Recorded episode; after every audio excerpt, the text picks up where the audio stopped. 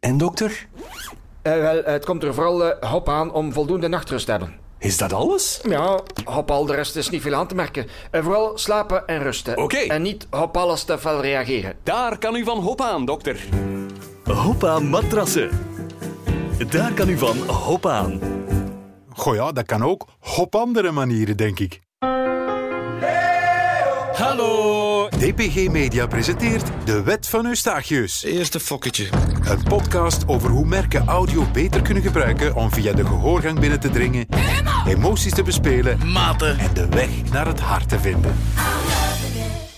Merken die aan hun audiopersoonlijkheid willen werken, hebben baat bij een eigen herkenbare woordenschat, een duidelijke tone of voice of chicker, een echte verbal identity. Daar gaan we het deze keer over hebben. Hallo? Hallo? Zeg, onbeschofterik.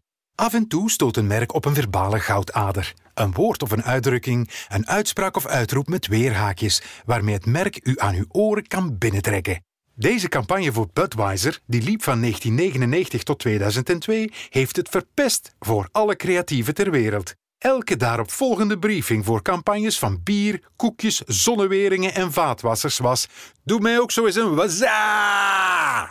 Het werd een wereldwijde buzz. In een tijd toen buzz nog een buzzwoord was. Het woordje dook op in het dagelijkse leven. In muziek. In spoofs. In praatprogramma's. En het heeft zijn eigen Wikipedia-pagina. En het was niet eens een reclamecampagne, maar een kortfilm. True, die opgepikt werd door een slimme reclamecreatief bij DDB Chicago en voorgesteld werd aan Budweiser als een reeks commercials. Barack Obama gebruikte het in zijn presidentiële campagne en zelfs nu, 20 jaar later, duikt het op in een nieuwe lockdown-versie. Hey, yo, my guy, what's up, man? What's up with you? Nothing. Just rewatching some games, having a bud. I'm always rewatching old games. What's up? oh, it's the goat. What's up? What's up? What's up?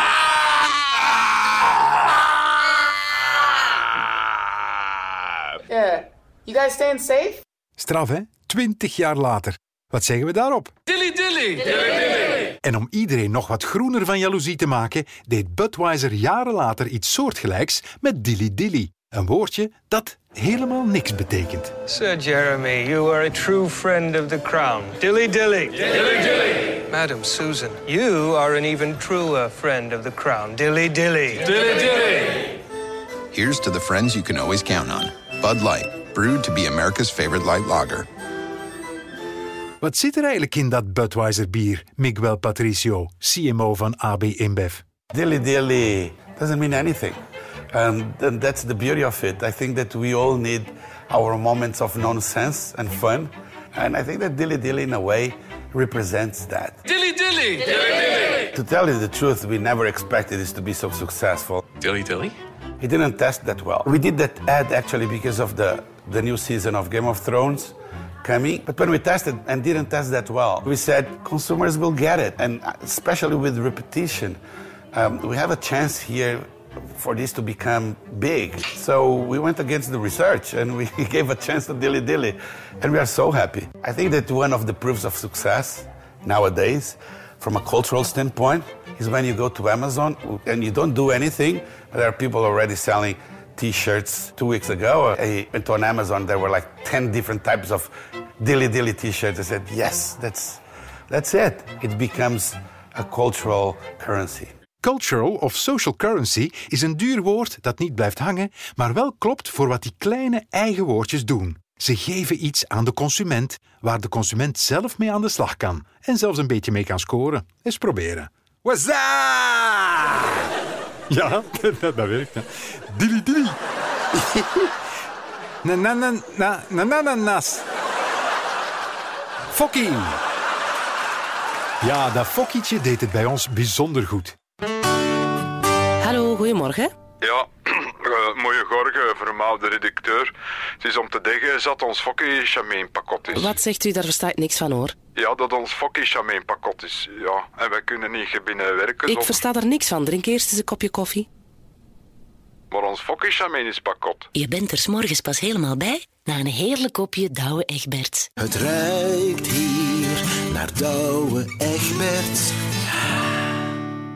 Een pankanje van Guval Diome die de effies aan elkaar reeg. En het woord kreeg zelfs een plaatje in het Vandalen woordenboek. Hadden jullie dat succes verwacht, Hans Kerkhoff en Raoul Maris? Wel, het begon eigenlijk als iets enorm klein. Uh, ik denk niet dat mensen dat weten, maar in feite had Douwe Egberts uh, gewoon nog maar een heel klein beetje radiozendtijd over. En stelden ze aan ons de vraag van, kan je daar geen, uh, geen, geen leuk spotje voor bedenken hè, om die radiozendtijd in te vullen. Dus wij gingen daarmee aan de slag en de briefing was dan van, ja, goh, laat het ons maar hebben over het feit dat als je geen koffie gedronken hebt s ochtends, dat je dan toch niet klaar bent voor de dag. Uh, voilà, we begonnen erover na te denken. Plots stond het woord fokkie op ons, uh, op ons blad. We dachten dat is eigenlijk wel tof als we het over uh, woorden en, en lettergrepen en, en, medeklinkers hebben die door elkaar ge, gehaspeld worden. Ehm, als een soort van nieuwe woordenschat voor mensen die, die s ochtends nog geen koffie gedronken hebben en die dus ook nog niet helemaal wakker zijn. En dan zijn we daarmee beginnen spelen. En uh, de eerste radiospot uh, werd dan... Ik kan niet uh, binnen werken, want mijn fokkie-chamine is pakot. En we dachten van, oké, okay, er zit iets in. Dan zijn we daarmee in de studio gedoken. en Koen van Impe heeft daar dan zijn magic touch aan toegevoegd. En dat, dat was gewoon heel grappig. En ook heel erg frisse radio. En dat voelden we in de studio al. Maar goed, dan dachten we van oké, dat is een spot, we zetten die. En dat is mooi geweest, hè, want het was ook alleen maar om die radiozendtijd in te vullen. Maar dan kwamen de reacties van de luisteraars en die waren echt overweldigend. Dat had niemand verwacht. en, en ook heel dat concept van radiomaker werd plots omgedraaid, want het waren de luisteraars die zeiden wanneer uh, komt de volgende spot uit, want we liggen erop te wachten. Uh, ja, oké, daar was iedereen van verrast. En Douwe Egberts heeft daar dan slim op ingespeeld. En gezegd van oké, maar dan gaan we dat uitbreiden, uiteraard. En dat hebben we dan ook gedaan met verschillende campagnes. En die werden steeds populairder en populairder. En de rest is uh, genietjes. Uh, genietjes. Uh, hm, ja, misschien eerst een fokketje. Het is voor merken niet anders dan voor een persoon. Iemand met een stopwoordje. Of iemand die steeds op dezelfde manier binnenkomt. Ja, ik moest kloppen, want de bel doet het niet. Die moeten we niet zien om hem te herkennen. En dat helpt geweldig om ons personage of onze merkambassadeur van vorige keer vorm en inhoud te geven, zodat we hem op elk audiokanaal kunnen inschakelen. De perfecte woorden vinden om een probleem te beschrijven geeft je ook een geweldig concurrentieel voordeel. Carglass herstelt, Carglass vervangt. Een sterretje in uw vooruit kan door een schok verder barsten. Als het kleiner is dan een stuk van 2 euro, kunnen we het probleemloos herstellen. Carglass. Dat stuk van 2 euro heeft stevig bijgedragen tot de miljoenenbusiness die Carglass vandaag is. Boeken, boeken, boeken, boeken. Ah, die ken ik precies. Oei, is de Sint er al? Ach nee, het is de Boekenbeurs! Hij is de kraan, ze komen eraan. Honderdduizenden boeken. Boeken als bakens, boeken die reizen. Oh, en honderden auteurs te prijzen. Kinderkanten, kinderzoden. Boeken, boeken, boeken, pret. Dankzij het familieticket. Boeken op stoom tegen stroom. Boeken zijn een feest dat leeft en lacht en leest. De Boekenbeurs, een wereldhaven voor boeken. Vanaf 29 oktober. Voor Boek.be zijn boeken niet de nieuwe tennisraketten. Ze gingen het niet verzoeken, maar ze waren het als boekenwurmen wel aan zichzelf verplicht om er een woordelijk vuurwerk van te maken. Op zoek gaan naar woorden met weerhaakjes is natuurlijk van alle tijden en van alle vormen van communicatie. To be a victim of all life's earthly woes, or not to be a coward and take death by his proffered hand. There, now I'm sure we can get that down. Just start to be or not to be. You, you, you can't say that, it's gibberish. But it's, short, William. It's short, doesn't it? Flows. To be or not to be, that is the question. Inderdaad, zegt Shakespeare en iedereen die nooit een letter van Shakespeare heeft gelezen zal zeggen to be or not to be. Branding, verbal identity. Nog? Hier. Can't touch this. Hasta la vista, baby. We shall fight on the beaches. Ask not what your country can do for you.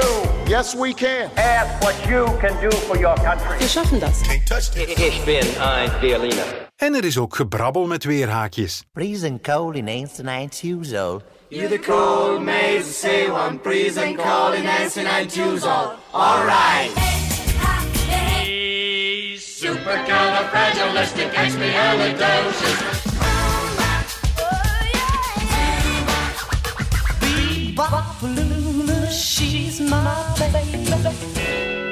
En een van Trumps meest memorabele woorden was uiteindelijk ook café. Strijdvaardige copywriters en ook strategic planners zijn dagelijks op zoek naar woorden met haakjes. Sommige merken hebben een duidelijk gedefinieerde tone of voice en toch horen we nog vaak een soort generieke reclametaal. Nu, dat is geen probleem voor visuele media, want daar kan je generieke woorden compenseren door mooie beelden te tonen van een diverse samenleving, waarin iedereen het gezellig heeft in zijn vintage VW-busje en dagelijks naakt in een meer springt. Waar winkelkarretjes dienen om elkaar in voor te duwen, waar overal vuurwerk en gekleurd poeder voorhanden is en waar koken zo plezant is dat iedereen spontaan begint te dansen in de keuken. Maar als je die beelden niet hebt, ja, heb je enkel nog die generieke taal. Alles begint natuurlijk met een sterke baseline of slogan. Een goed gekozen merkslogan geeft al veel mee over wie je bent. Een goede slogan heeft vorm en inhoud. Hij zegt wat je doet en hoe je in het leven staat. Sterke slogans hebben een heel verhaal in zich en zouden niet misstaan op de planken. We try harder. Good things come to those who wait. Impossible is nothing, and nothing sucks like an electrolux. Think different, belong anywhere, taste the rainbow. Got milk. Nog niet langs gegaan bij het gemeentekrediet. Gemeente toch niet. Originele, positionerende slogans, die soms best een beetje bizar klinken, maar dat zorgt voor die haakjes natuurlijk. Er wordt ook research gedaan naar de woorden die het meeste kans hebben om verkoop te stimuleren of te behagen. Resultaat? In Frankrijk zijn de meest gebruikte woorden in reclameslogans nu être, vie en monde. Zijn, leven, wereld. Hmm, drie woorden die nogthans niet voorkomen in deze uiterst succesvolle campagne. Dresses like a lady, looks like a man. Always eating combos with her big man. She's man mom. I care for my kids same as any mom. When my son has a bad dream, I let him have any of the six combos flavors he wants. Then I sing a lullaby. You're a handsome boy to me. A pretty handsome boy. Combos, what your mom would feed you if your mom were a man. Heerlijk memorabel en een inspiratiebron voor honderd verhalen. De slogan van Snickers is ook zo'n parel. Inspirerend, positionerend en uniek. You're not you when you're hungry. Snickers really satisfies. Het houdt niet op bij toverwoordjes, catchy campagnelijntjes en slogans natuurlijk. Om als merk in audio herkend te worden of te groeien, helpt het om een duidelijk gedefinieerde tone of voice te hebben. Iemand die dat goed kan uitleggen is Chris West, oprichter van het agentschap Verbal Identity, een bedrijf dat zich specialiseert in, ja, je weet wel. I'm often asked, Chris, what are the elements of a tone of voice? At Verbal Identity, we define a tone of voice as being much, much more than just a tone of voice. Your brand's voice actually works on three levels. Imagine it at 10,000 feet, you have your overarching narrative for your brand voice who we are, what we stand for, the world we believe in, and what we're standing against. If you get that right, I guarantee whatever your writers write for you will be basically correct for your brand and differentiated for your brand. Come down to a thousand feet, and this is where the personality of your brand becomes clear in your brand voice. This is much more than four limp adjectives on a page like human, friendly, warm, and approachable, which never mean anything and are not going to help your writers write differentiated copy 10 past 9 on a Thursday night. These four adjectives must come down from your overarching narrative and they must be particularly true for you. Each one doesn't have to be true, but the combination of those three or four adjectives absolutely has to be unique for your brand. Down at ground level, you have what I call the nuts and bolts of your brand voice. Choices around the words we use and the words and phrases we don't use. For example, Fred Perry, one of our earlier clients, used to say, Chris, we don't use the word store because that's an Americanism. We use shop because we're British. But also, there are other elements like sentence length. Do you speak in short sentences or do you want to convey the sophistication and intelligence of your brand by speaking in longer sentences with lots of subclauses which refer to each other? Those choices affect how your voice comes across. If you define your brand voice properly, You are signing off work in version 1 or version 2, not version 19 or version 20. That saves a lot of time, a lot of money and a lot of heartache. De hele oefening doen van het bepalen van een tone of voice zou ons te ver leiden, maar toch even een concreet voorbeeld. Het marketingplatform Mailchimp heeft een uitgebreid hoofdstuk Tone of Voice in het brandboek. En in dat hoofdstuk staat een paragraaf over humor. Maite? Zijn er iemand Mailchimp humor? Hier zie, Mailchimp humor. Onze humor is droog. Onze zin voor humor is met uitgestreken gezicht subtiel en een beetje excentriek. We zijn weird, maar niet onaangepast. Slim, maar niet snobistisch. We gniffelen eerder dan brullen en zijn nooit neerbuigend of exclusief. Er is altijd compliciteit met onze klanten. U heeft misschien gemerkt dat Maite al zeven afleveringen haar interventies begint met Zei er iemand huppel de pup? Hier zie, huppel de pup. Dat maakt deel uit van de verbal identity van het merk Maite. Tot slot, en omdat het belangrijk is om onvoorspelbaar te blijven, geen gospel deze keer, maar een ander liedje.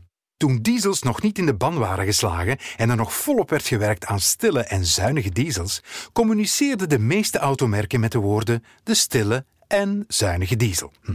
Honda ging daar drie trappen boven staan en maakte een campagne met de klinkende naam Grrr. Met in de hoofdrol het door elke communicatiedirecteur van de wereld in de pan geslagen woordje hate. Here's a little song from Honda for anyone who's ever hated in the key of grrr. Can hate be good? Can hate be great? Can hate be good? Can hate be great? Can hate be something we don't hate?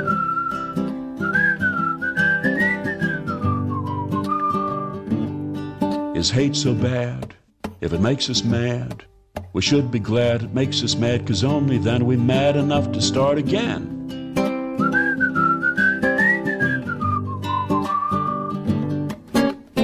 Hate something, change something. Hate something, change something, make something better.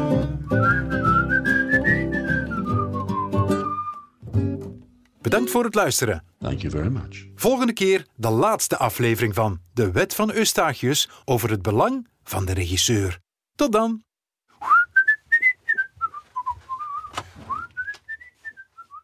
De Wet van Eustachius is een podcast van DPG Media.